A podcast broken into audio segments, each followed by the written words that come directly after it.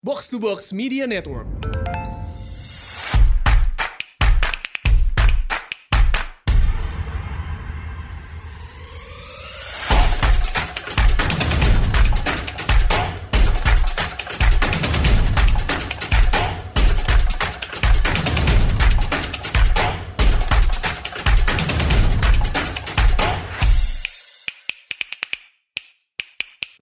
Di Asumsi Bersuara. Kali ini kita akan bahas tentang isu JHT, jaminan hari tua yang sempat rame minggu belakangan ini gitu ya. Dimulai dari adanya peraturan Menteri Tenaga Kerja baru mengatur bahwa JHT itu baru bisa dicairkan di usia 56. Pemerintah beranggapan bahwa JHT itu memang ditujukannya buat pensiun gitu. Jadi di hari tua nanti gitu. Jangan diambil sebelumnya nanti kan jangan sampai pas masa tua udah habis gitu kan. Tapi tentu di sisi lain kebijakan ini banyak uh, menimbulkan pro kontra gitu ya, uh, ditentang oleh banyak kalangan, terutama kelompok buruh merasa kalau ini kan uang buruh, uang kita, kenapa baru boleh diambil di usia 56 gitu. Nah uh, ini juga rame nih kemarin di, di sosial media gitu, banyak pro kontranya. Nah kali ini gue akan uh, ngobrol dengan Zahra Amalia, doctoral student di University of California San Diego di bidang sosiologi dan dia juga banyak research tentang welfare state, welfare politics jadi mungkin pas banget nih kalau kita mau ngomong-ngomong isu soal jaminan sosial gitu ya, seperti yang akan kita diskus hari ini tentang JHT. Kemarin Zahra juga banyak, uh, sempat buat thread yang cukup rame di di Twitter soal isu JHT ini banyak uh, pro kontranya juga. Kita bisa bahas lebih dalam nih soal ini. So Zahra, welcome to the podcast. Zahra. Hi, thanks for having me. Uh, mungkin langsung aja ya. Jadi uh, kemarin kan lu sempat bikin thread rame nih ya. Waktu itu kalau gue nangkep uh, lu lumayan mendukung gitu bahwa JAT itu uh, dicairkannya di usia yang tua aja di usia 56 aja gitu. Karena fungsinya uang pensiun. Sementara harusnya um, kan sementara ini banyak orang yang takutannya adalah karena biasanya kan mereka pakai JHT untuk sebagai uh, untuk survive ketika misalnya di PHK atau apa gitu ya atau kehilangan pekerjaan segala macam. Harusnya kata pemerintah udah udah tercover dengan jaminan kehilangan pekerjaan atau program yang lain gitu. Nah mungkin di kesempatan ini mungkin di awal-awal boleh uh, lu elaborate dulu kali ya lebih lebih dalam sebenarnya what's your your take on on this gitu bahwa jahat itu baru bisa dicairkan di usia yang tua gitu. Just to clarify, I don't support the policy, at least in its current state. Yeah. um, jadi agak kompleks, uh, hmm. bukan sekedar mendukung atau menolak. I appreciated it for what it was and criticized it for what it lacks. Uh, hmm. Yang bagus, oke, okay, but kalau ada yang kurang ya kita bilang gitu. Jadi ini policy yang bagus, if blah blah blah blah blah blah and there are so many things that it lacks um, but mm. I hmm. feel the need to appreciate the policy for what it did right mm. gitu jadi artinya it's good tapi masih butuh reform uh, perbaikan mm. semuanya masih terus uh, diperlukan gitu so hopefully it will be good at one point without ifs or buts uh, yeah. but at this point hmm. kalau dari yang lu lihat gitu ya yang yang bagusnya uh, apa yang yang masih kurangnya apa? Jadi my take comes from a social welfare perspective uh, dan itu dilihat dari pendekatan sistem kesejahteraan sosial dan peran pemerintah di situ. Uh, sistem kesejahteraan sosial di Indonesia sendiri itu terdiri dari dua bagian lah. It makes a whole. Hmm. Yang pertama itu bansos, bantuan sosial. Hmm. Yang kedua jamsos, uh, yeah. jaminan sosial. Keduanya itu tujuannya sih uh, sama ya, mensejahterakan atau paling nggak menjaga kesejahteraan masyarakat. Kalau yang bantuan sosial itu sifatnya kan dia kontribusi gitu, hmm. jadi um, penerima manfaatnya nggak perlu ngasih iuran gitu. Hmm. Dan ini biasanya targetnya untuk warga yang kurang mampu. Yeah. But uh, jamsos, jaminan sosial itu sendiri ditujukan buat seluruh masyarakat Indonesia gitu. Uh, nggak hanya yang kurang mampu, tapi semua gitu. Dan ini hmm. sifatnya ada kontribusi masyarakat. Jadi kita harus ngiur gitu kan. Misalnya yeah. kita mau pakai BPJS kesehatan, eh, pengobatan gratis ya kita bayar iuran ya. Kita mau punya jaminan hari tua, kita bayar iurannya juga gitu. Kalau cakupan dan belanja bansos itu udah terus meningkat, uh, it's not the same with jaminan sosial gitu. Dan Bank Dunia itu mengatakan bahwa kalau dibanding dengan negara-negara dengan usia demografis serupa kayak Indonesia itu iuran pensiun kita terhadap PDB masih relatif rendah. That's hmm. my first reason. Terus yang kedua, bansos tadi kan bansos kan untuk yang kurang mampu ya jadi kita nggak perlu mengiur bansos yang khusus untuk lansia itu masih rendah baik cakupan atau nilainya gitu jadi nggak terlalu banyak yang dapat dan kalaupun dapat nilainya nggak terlalu banyak gitu mm -hmm. cukup lah untuk mensejahterakan gitu padahal angka harapan hidup kita tuh naik terus gitu kan tiap tahun mm. dan kalau nggak salah tuh tahun 2019 itu ada di angka 71, something mm. dan itu naik dari tahun 2009 10 tahun sebelumnya itu di angka 68, hampir 69. Hmm. Um, jadi populasi kita itu terus menua dan kalau sekarang kita ada di katanya bonus demografi, banyak masyarakat yang berusia produktif, ke depannya rasio lansia di populasi kita itu meningkat gitu. Jadi hmm. quote quote um, beban tanggungannya untuk orang-orang yang nggak bekerja itu bakal nambah Mungkin. banyak karena yeah. ditambah lagi seperti kenapa gue bikin thread itu adalah karena cakupan dana pensiun di Indonesia itu masih rendah dan sifatnya regresif. Hmm. Artinya makin tinggi tingkat konsumsi masyarakatnya, makin tinggi cakupan kepemilikan dana pensiun di kelompok tersebut. Jadi makin kaya, more likely you'll have uh, dana pensiun gitu. Kalau di kelompok dengan konsumsi 10% terbawah uh, atau yang paling miskin 10% di Indonesia itu kepemilikan dana pensiunnya nggak nyampe 5%. Hmm. Tapi kalau di kelompok dengan konsumsi 10 teratas atau yang 10% terkaya itu kepemilikan dana pensiunnya hampir mencapai 40%. Itu kan timpang banget ya gitu. Hmm. Padahal uh, yang paling butuh bantuan uh, kesejahteraan tuh ya lansia lansia, terutama di kelompok menengah ke bawah, itu kurang terjamin. Dan karena cakupan skema pensiunnya masih kurang, hal ini memunculkan fenomena sandwich generation, yang itu yang kayak um, gue harus menyokong finansial orang tua gue misalnya mereka pensiun kemudian anak gue misalnya gue punya anak mereka mau hmm. sekolah kayak gitu. Uh, belum ada dana gue terus kayak misalnya mau beli rumah uh, gue nggak punya tabungan gitu. Itu itu uh, jadi masalahnya bukan cuma orang yang nggak punya dana pensiun itu tapi anaknya mereka dan yeah. cucunya mereka. Jadi uh, it's it's a whole mess gitu kan. Ya yeah, ya yeah, ya. yeah, nggak memiliki dana pensiun di usia tua itu it's not a remark on people's uh, financial planning capabilities. Karena kan ada hal-hal yang mengharuskan hmm. seseorang ya buat pakai dana itu. As you mentioned in the beginning itu jadi dana darurat buat banyak orang gitu. Uh, so that's why I stand behind the policy. Kenapa JHT harus kembali sebagai fungsinya sebagai dana pensiun? But tadi kan lu nanya kan um, kenapa ada bat-bat-batnya. Itu yeah. um, uh, kita sendiri tahu gitu posisinya sekarang kan uh, lagi susah karena habis ada krisis kemudian covid banyak yang di layoff kayak gitu. Mm. uh, banyak yang di PHK dan itu kalau mereka diputuskan hubungan kerjanya uh, nanti mereka mau makan apa? Kalau mereka biasanya nyairin JHT uh, apa namanya JHT-nya sekarang udah nggak bisa nanti gimana? Kayak gitu. Pun misalnya seseorang bekerja gitu tapi ternyata dia menghadapi praktek-praktek pemutusan kerja yang nggak adil yeah. dan itu membuat mereka nggak bisa mengakses mm -mm, mereka jadi mm. nggak bisa mengakses uh, jaminan kehilangan pekerjaan gitu padahal kan syaratnya mm. harus ada pemutusan hubungan kerja padahal secara praktek banyak yang diminta quote quote diminta mm. mengundurkan diri gitu ada lagi isu lainnya itu ada pajak progresif pencairan JHT dipermasalahkan. Padahal kan misalnya lah gue mau beli rumah gitu nggak punya uang gimana dong gitu oh oke okay, nyairin uh, eh, JHT tapi di pencairan berikutnya gue kena pajak progresif uh, hmm. itu juga masih ada masalah gitu kan ada lagi masalah yang besar banget yang kemarin gue dimarahin orang banyak banget and I understand that I understand that itu ada isu trust kepercayaan terhadap pengelola dana pensiun ini um, hmm. BPJS itu rendah itu apalagi ada kasus Asabri kan sebelumnya yeah. but to hmm. me it's an indication of like bigger things gitu. Mungkin nggak per, percaya sama pengelola dana pensiunnya, or nggak percaya sama pemerintahnya, and that's another hmm. issue kayak gitu sih. Ya. Yeah.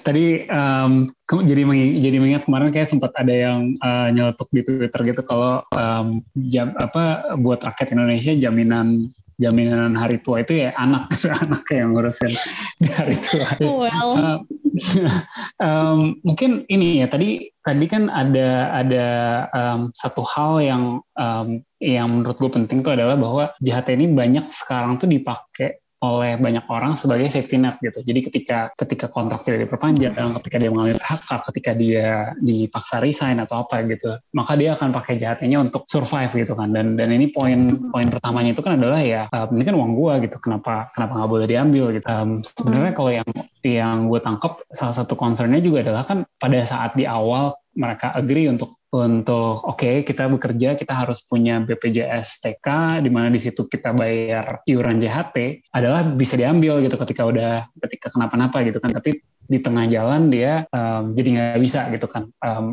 mungkin di awal juga belum tahu kalau itu tujuannya adalah buat buat di hari tua gitu um, yeah. Mm, valid nggak menurut concern kayak gitu. Sangat sangat sangat sangat valid dan sejujurnya sebelum gue send off tweet itu karena gue biasanya nulis dulu sebelum gue tweet dan gue draft dulu gue pikirin dulu.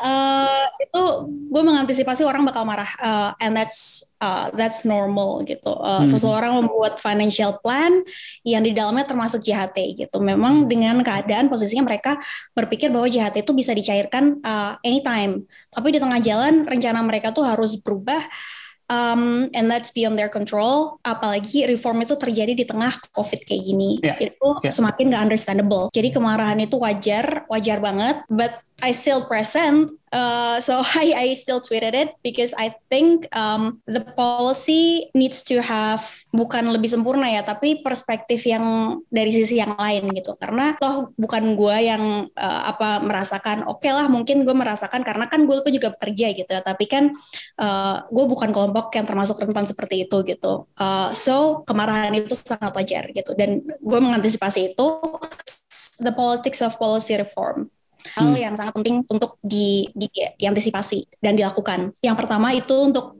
pemerintah harusnya melakukan justification, justifikasi kenapa policy ini dibutuhkan, kenapa reform ini harus banget gitu, harus sekarang banget dan itu sejujurnya salah satu yang kenapa kenapa sih gitu. Gue juga sebetulnya belum bisa memahami gitu, kenapa sih sekarang gitu. Dan yang kedua setelah justification itu uh, compensation harus ada kompensasi untuk kelompok yang terdampak karena biasanya mereka akan resist. Gue aja bukan yang bikin kebijakan gue kena marah gitu, apalagi yang bikin kebijakan gitu kan. Iya, iya, iya.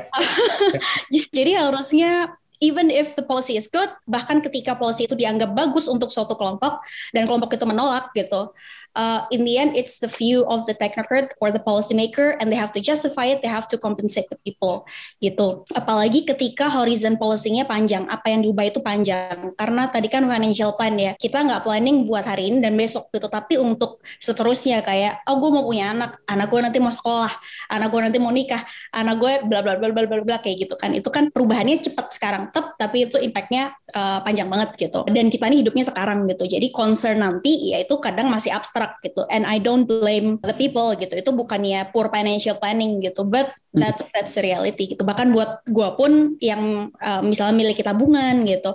Dengan kondisi yang uh, relatif lebih baik masa depan itu masih abstrak. So kemarahan itu sangat wajar gitu dan gue terima ya, ya, ya. jadi uh. misalnya ketika ada reform pencabutan subsidi kayak misalnya BBM gitu ini gue kasih contoh policy reform ya. yang gue baik ya gitu ya. jadi sempat uh, subsidi BBM kita kan dicabut ya itu meski kayaknya itu policy yang pro rakyat ya karena kan harga bensin jadi lebih murah dan lain-lain tapi itu subsidinya regresif jadi kayak yang menikmati manfaat kebijakannya tuh yang punya mobil yang punya motor dan itu orang yang berpunya dong kalau gue punya lima mobil mobil lima lima yang disubsidi versus uh, tetangga gue motor satu gitu kan. Ya.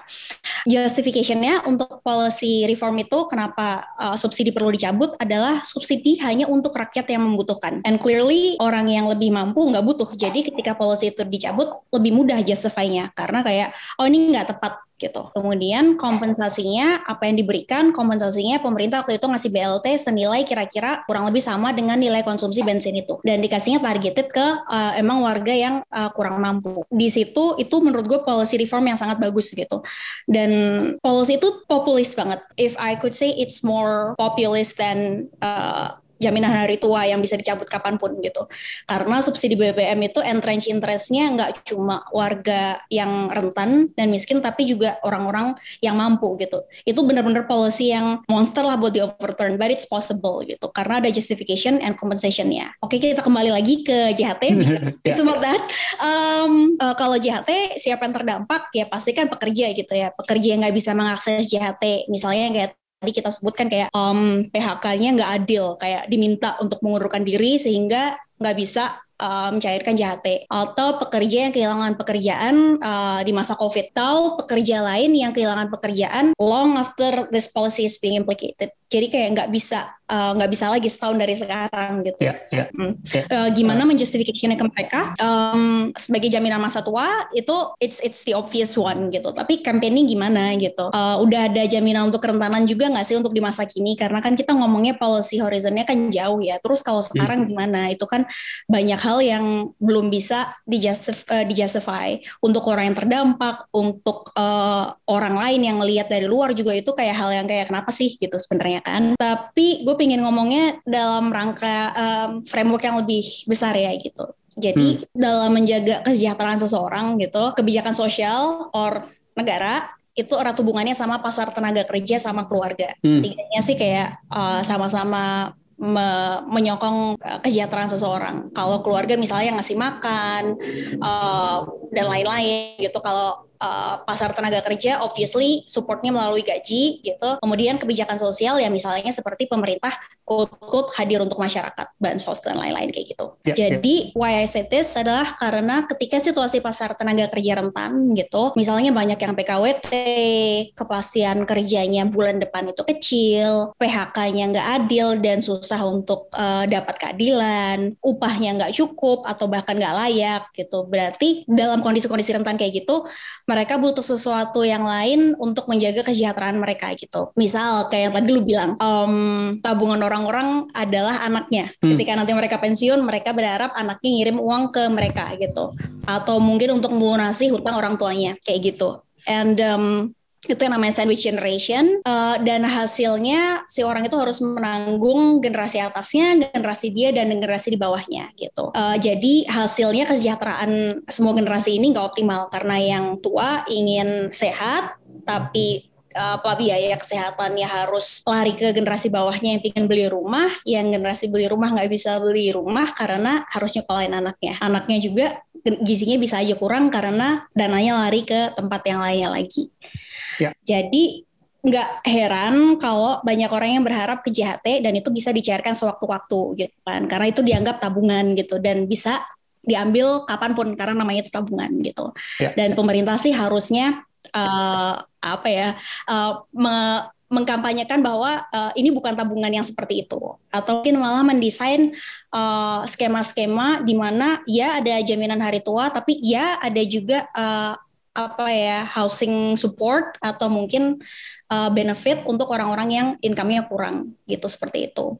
Di sinilah di mana orang merasa kebijakannya tidak bisa dijustifikasi, nggak uh, bisa dijustifikasi karena kesejahteraan sekarang aja belum terjamin, kenapa pemerintah sebagai penyelenggara JHT ini ngubah aturan di tengah jalan, like you said kan? Ya. Dan tadi sosialisasinya kurang banget, dan di sini juga kompensasinya kurang gitu. Betul ada jaminan kehilangan pekerjaan, tapi pencairannya questionable, kemudahan pencairannya abu-abu, terus nilainya um, juga kayaknya nggak mencukupi kayak gitu kan bukan kayaknya memang nggak mencukupi and and that's the reality gitu. Jadi um, gimana di di masa sekarang kesejahteraan gue nggak terjamin. Percuma lah lu ngomongin uh, hari tua. And that's uh, a lot of the response that I got in my tweet. And yeah, um, yeah, yeah. that's completely understandable. Yeah, yeah. Mm-hmm. Um, mungkin sekarang gue juga tertarik buat bahas um, lebih ke arah best practices ya gitu ya. Kalau um, yang gue tahu kan di di Amrik misalnya dia ada um, kita sering dengar gitu 401k ya yang yang kalau oh. kalau gue baca-baca sebenarnya mirip sama JHT gitu kan jadi um, lu harus contribute sekian persen of your income ke satu um, savings plan atau investment plan gitu kan. Dan cuma boleh dicairin ketika malah dia ketika umur lima sembilan setengah kalau nggak salah. Di Australia juga ada gitu superannuation namanya itu kayak gitu. Dan dia boleh dicairin baru di atas umur 60 gitu cuman mungkin something yang penting adalah ya itu tadi kan jaminan ketika lu kehilangan pekerjaan atau apa gitu kan. Kalau di luar kan banyak yang kayak unemployment insurance gitu ya. Lu kayak kayak ada jaminan juga ketika lu gak ada pekerjaan lu akan dibayar. Kemarin pas pas covid uh, mulai gitu kan kayaknya ramai banget tuh orang claiming unemployment checks gitu kan. Um, kalau di di Amerika ya gue atau di, di negara lain gue rasa juga uh, kayak gitu gitu. Mungkin kalau dari um, yang lu pernah ketahui gitu ya uh, best practices itu sebenarnya kayak gimana sih antara dua hal ini gitu. um, si si retirement plan ini dan dan juga uh, jaminan PHK gitu. Sebenarnya uh, dia variasinya banyak banget di banyak negara di dunia.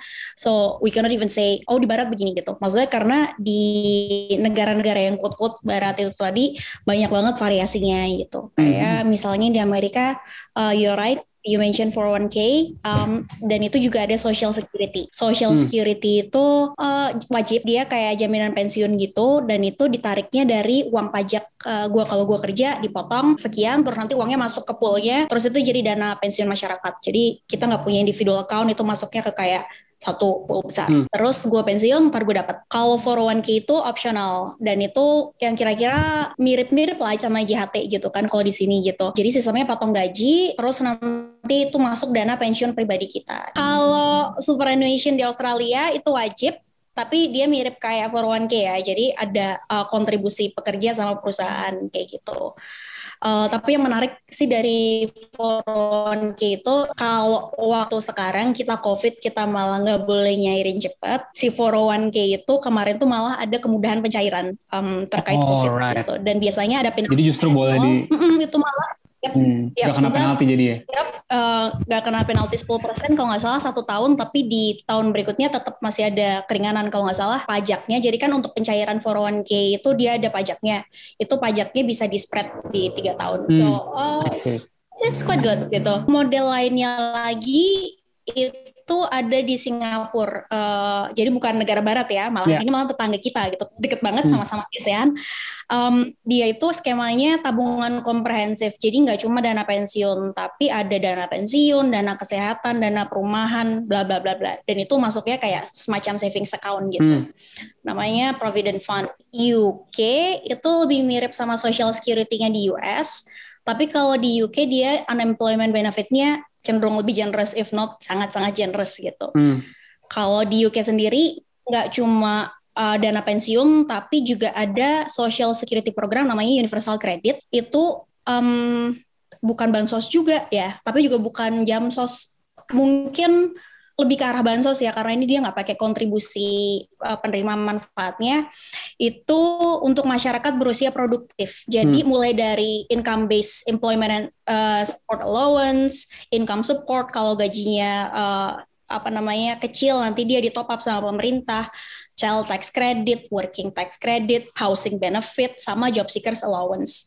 Yang terakhir ini yang sering dianggap quote-quote unemployment benefit. Jadi kalau hmm. gue di PHK, uh, gue di cover beberapa lama sama pemerintah UK sampai gue menemukan pekerjaan. Bahkan gue dibantu hmm. gimana caranya gue menemukan pekerjaan lebih cepat gitu. Uh, it's it's it's quite comprehensive. Bahkan ketika gue kerja gitu, misalnya gaji gue kecil, tetap ada top up. Gue punya anak, tapi uh, apa namanya gue nggak bisa kerja gue tetap dapat support selama gue di usia produk. And I think that is a good that is a good model. Uh, I like that one tapi ini diperlukan sistem taxation yang efektif hmm. yang yang Indonesia yeah. as you know nggak nggak nggak saya belum seefektif itu bukan nggak ya belum seefektif itu gitu. Mungkin lebih suitable yang kayak di Singapura ya yang kita punya uh, satu akun yang kita nabung dari situ tapi kita nggak dikasih penalti misalnya kita mau mencairkan untuk kebutuhan selain uh, pensiun misalnya seperti itu. That is a good one. Mana yang terbaik? Um, it's never a good idea to copy and paste a successful hmm. program in one country and hope that it will be successful at home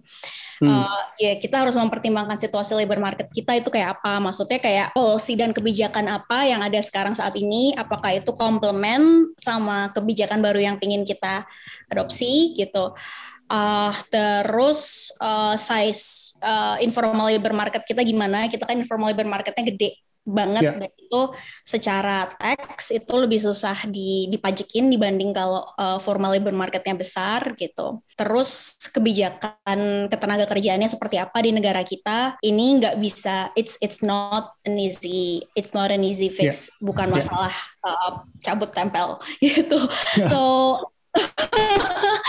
like like what I said in Twitter, um, kita butuh program lain untuk kesejahteraan sekarang supaya dana pensiun nggak terpakai sekarang gitu. Uh, dan ini juga salah satu kritik um, kritik gue terhadap kebijakan uh, JHT itu nggak bisa stand alone as it is Hmm. Jadi it's it seems like it's a standalone program. Zahra mungkin tadi barusan lu udah udah udah sebut sih, tapi something yang um, strikes me ya adalah um, soal uh, formal labor market tadi gitu, di mana di Indonesia masih kayaknya kayaknya more than 50% ya harus terakhir gue baca kalau nggak salah masih 60% bahkan dari uh, pekerja kita tuh bekerja di sektor informal gitu, di mana dari tadi kan yang kita bahas nih jaminan uh, hari tua, jaminan kehilangan pekerjaan, uh, ya BPJS tenaga kerja bahkan itu kan uh, something yang biasanya dimiliki kalau lu bekerja di sektor formal gitu kan. Kalau kalau di luar sektor formal uh, susah gitu untuk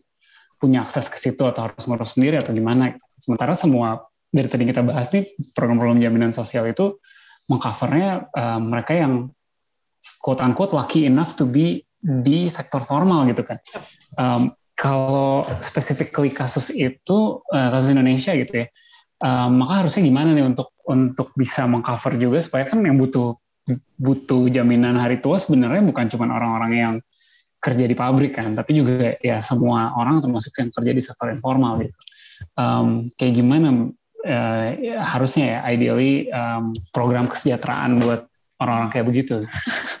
It's it's a difficult question karena tadi gue gue sempat menyebut bahwa um, taxing capacity-nya uh, uh, pemerintah Indonesia negara kita ini masih belum sebaik uh, negara-negara uh, lain. Jadi banyak banget diskurs di uh, Twitter dan bahkan di di luar Twitter juga yang diskusi akademik yang mengatakan bahwa oke okay, Nordic model it's it's the dream gitu kan tapi kan we have to be realistic yang di teks tuh bakal tinggi banget kayak gitu kan mm. um, jadi mungkin kita berangkat dari apa yang apa ya kita kita adalah at home gitu kayak mm. jam sos yang lain BPJS kesehatan kalau BPJS kesehatan kan kita mengiur ya gitu kita bayar iuran Um, tapi kalau di Indonesia itu meskipun BPJS kesehatan dia jam sos itu kalau uh, warga kurang mampu dia itu masih disubsidi sama pemerintah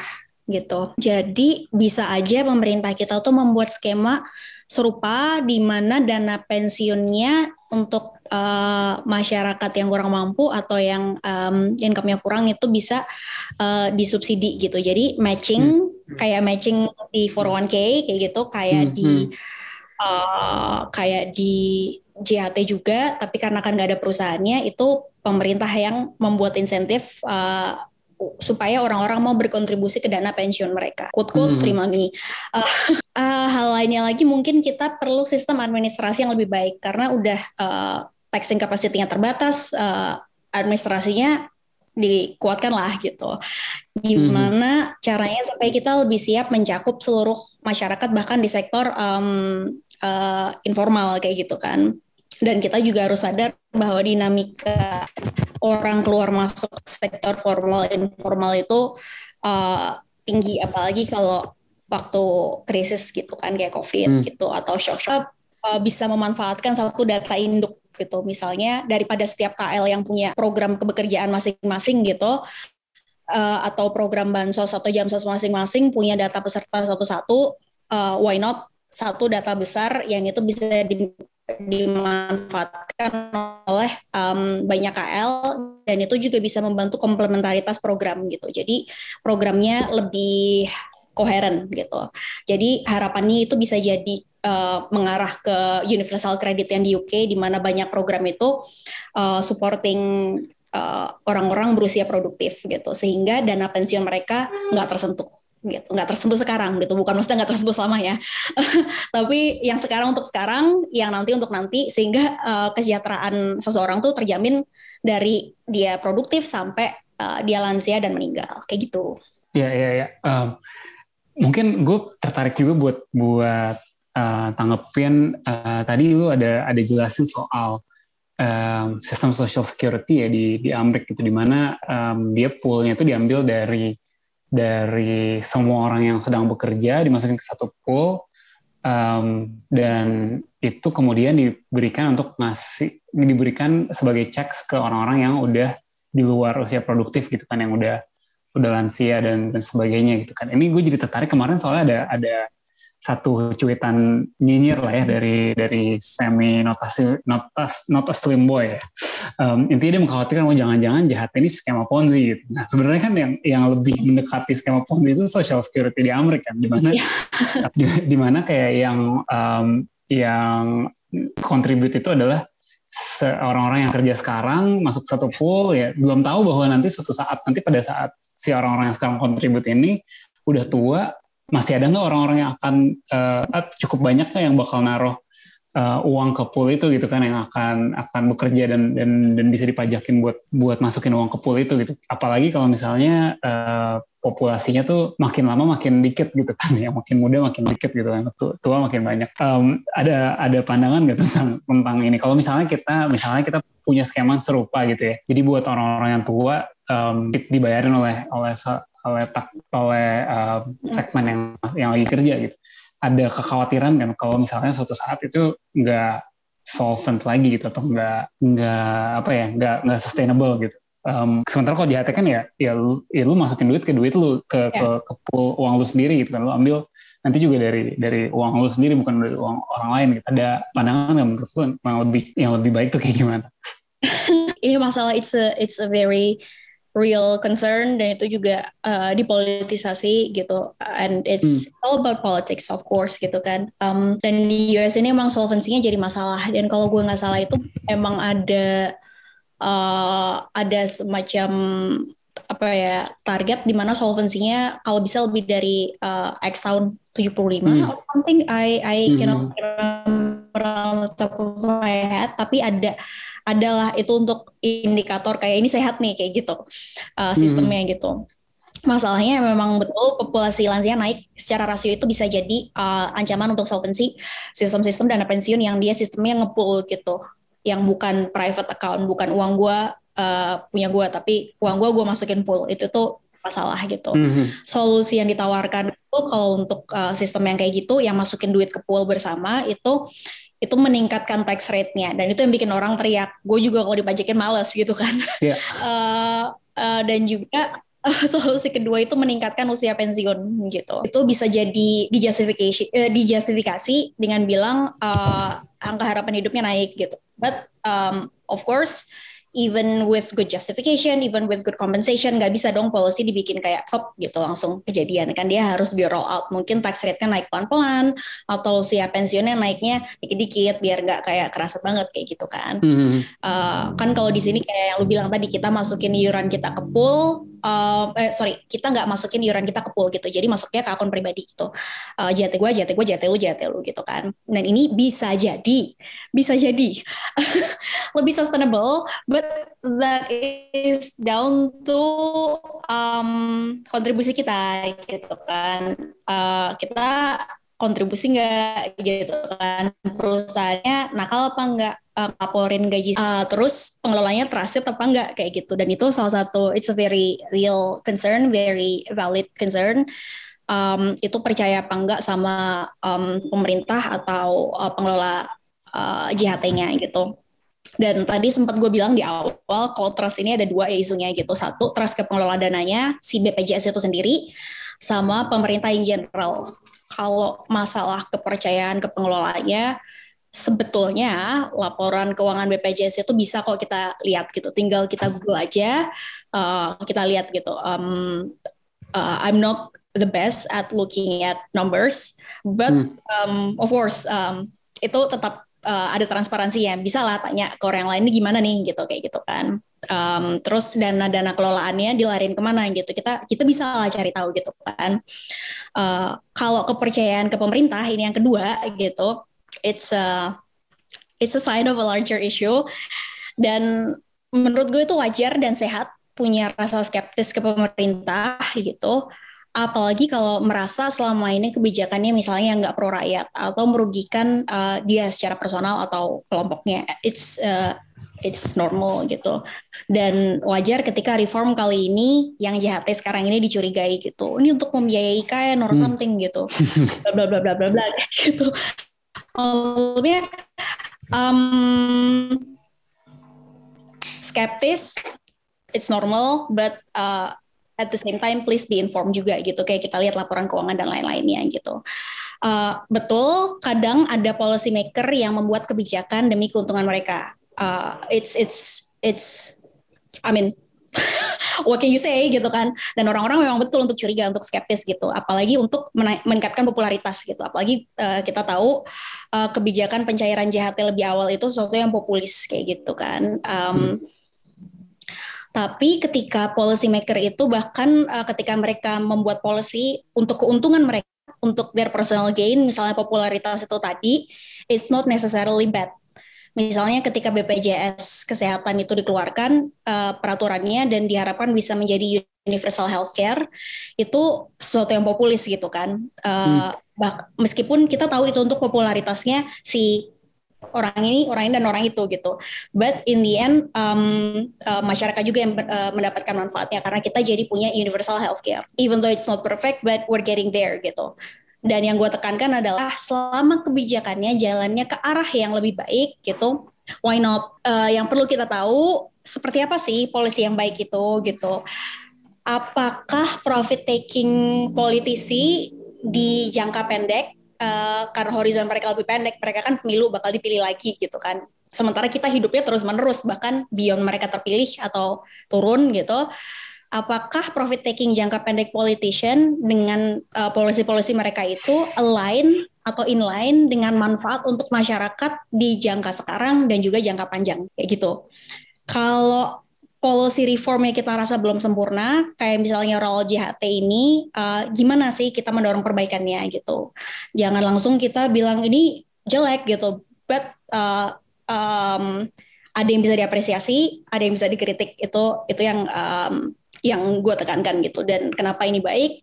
Tadi yang sempat gue bilang di depan kenapa ini buruk dan mana yang bisa diperbaiki? Uh, gue bilang setelahnya juga kritik-kritik gue dan kita kan sempat lihat juga kan maksudnya model-model um, uh, dana pensiun yang successful gitu yang komplementer dengan uh, kebijakan uh, pasar kerja yang lain kebijakan uh, welfare yang lain seperti itu. But one thing for sure, um, politicians do come and go, but good policies grounded in evidence from research they should stay. Gitu sih.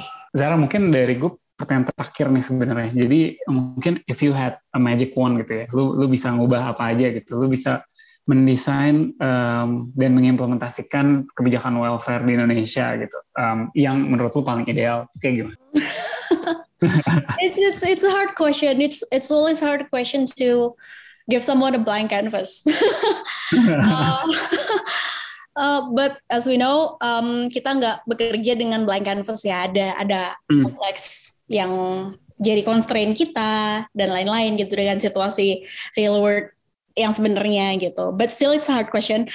So uh, tentunya sih gue berharap ada jaminan sosial yang komprehensif kayak di uh, UK if that's not possible maybe savings uh, scheme yang komprehensif kayak di Singapura gitu yang peruntukannya bisa untuk berbagai tahap kehidupan nggak cuma uh, hmm. uh, ketika pensiun aja that's good tapi seperti yang tadi gue sebutkan program-program itu harus sesuai dengan konteks kita struktur labor market kita uh, infrastruktur kesejahteraan sosial yang udah ada policy-policy yang udah ada, fiscal capacity, uh, kemampuan kita untuk menarik pajak itu juga semuanya harus uh, komplement dengan um, policy uh, skema dana pensiun or uh, social security or whatever uh, itu yang dimauin gitu. Jadi kalau apa yang gue mau magic one, uh, I want it all to fit perfectly together. uh, ya, yeah. iya kan gambar dari kosong kan ya susah ya gitu maksudnya kayak tapi uh, I I like to work with what we have gitu. Dan kita juga nggak bisa uh, menihilkan konteks itu gitu kan. Uh, dan it comes to it ini proses yang panjang. Dan jangan sampai sentimen populis bikin kita mundur lagi. Hmm. itu bukan berarti kita harus nerima kebijakan JHT ini dengan ho ho, -ho aja gitu maksudnya kan. Hmm. um, tapi okay, it's moving in the right direction, but uh, what is there uh, that we need to still do gitu kan? Um, gimana misalnya kita mau mempermudah pencairan dana pensiun dini untuk memenuhi demand atas dana darurat, itu kan populis gitu. That's an easy hmm. fix in the short run. And it's a popular policy. Tapi in the long run seperti apa? Program seperti apa yang uh, bisa menjamin kesejahteraan kita sekarang dan uh, nanti kayak gitu. Um, Indian yaitu menjaga kesejahteraan uh, masyarakat Indonesia di seluruh tahap kehidupannya kayak gitu sekarang dan nanti. That's it. Sorry, mungkin terakhir to ask. mungkin mungkin terakhir banget nih. Um, is there anything yang dari tadi mungkin um, belum sempat gue tanya atau belum sempat kita sentuh, tapi menurut lu penting nih buat uh, pendengar asumsi bersuara ketahui atau dengar tentang um, jaminan sosial, tentang bantuan sosial dan lain-lain?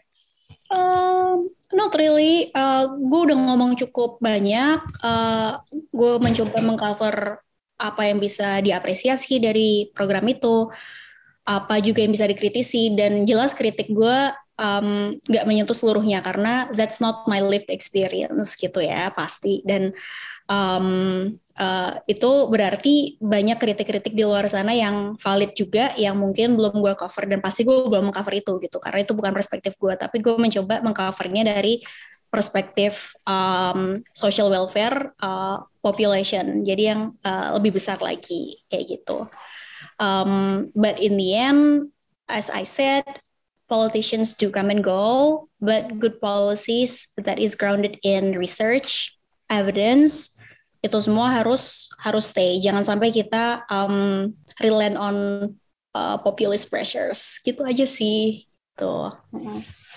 Zara, thank you banget uh, for your time. Um, udah uh, ngejelasin banyak nih soal um, policy-policy jaminan sosial di, di Indonesia di negara-negara lain juga mudah-mudahan uh, pendengar episode dapat banyak dari um, obrolan hari ini I sure, I sure did gitu thank you banget uh, for your time No, thank you. Thank you for having me. Uh, it's it's it's fun. Uh, it helps me think through what I said uh, karena banyak banget uh, thing yang I overlook juga gitu. So thank yeah. you.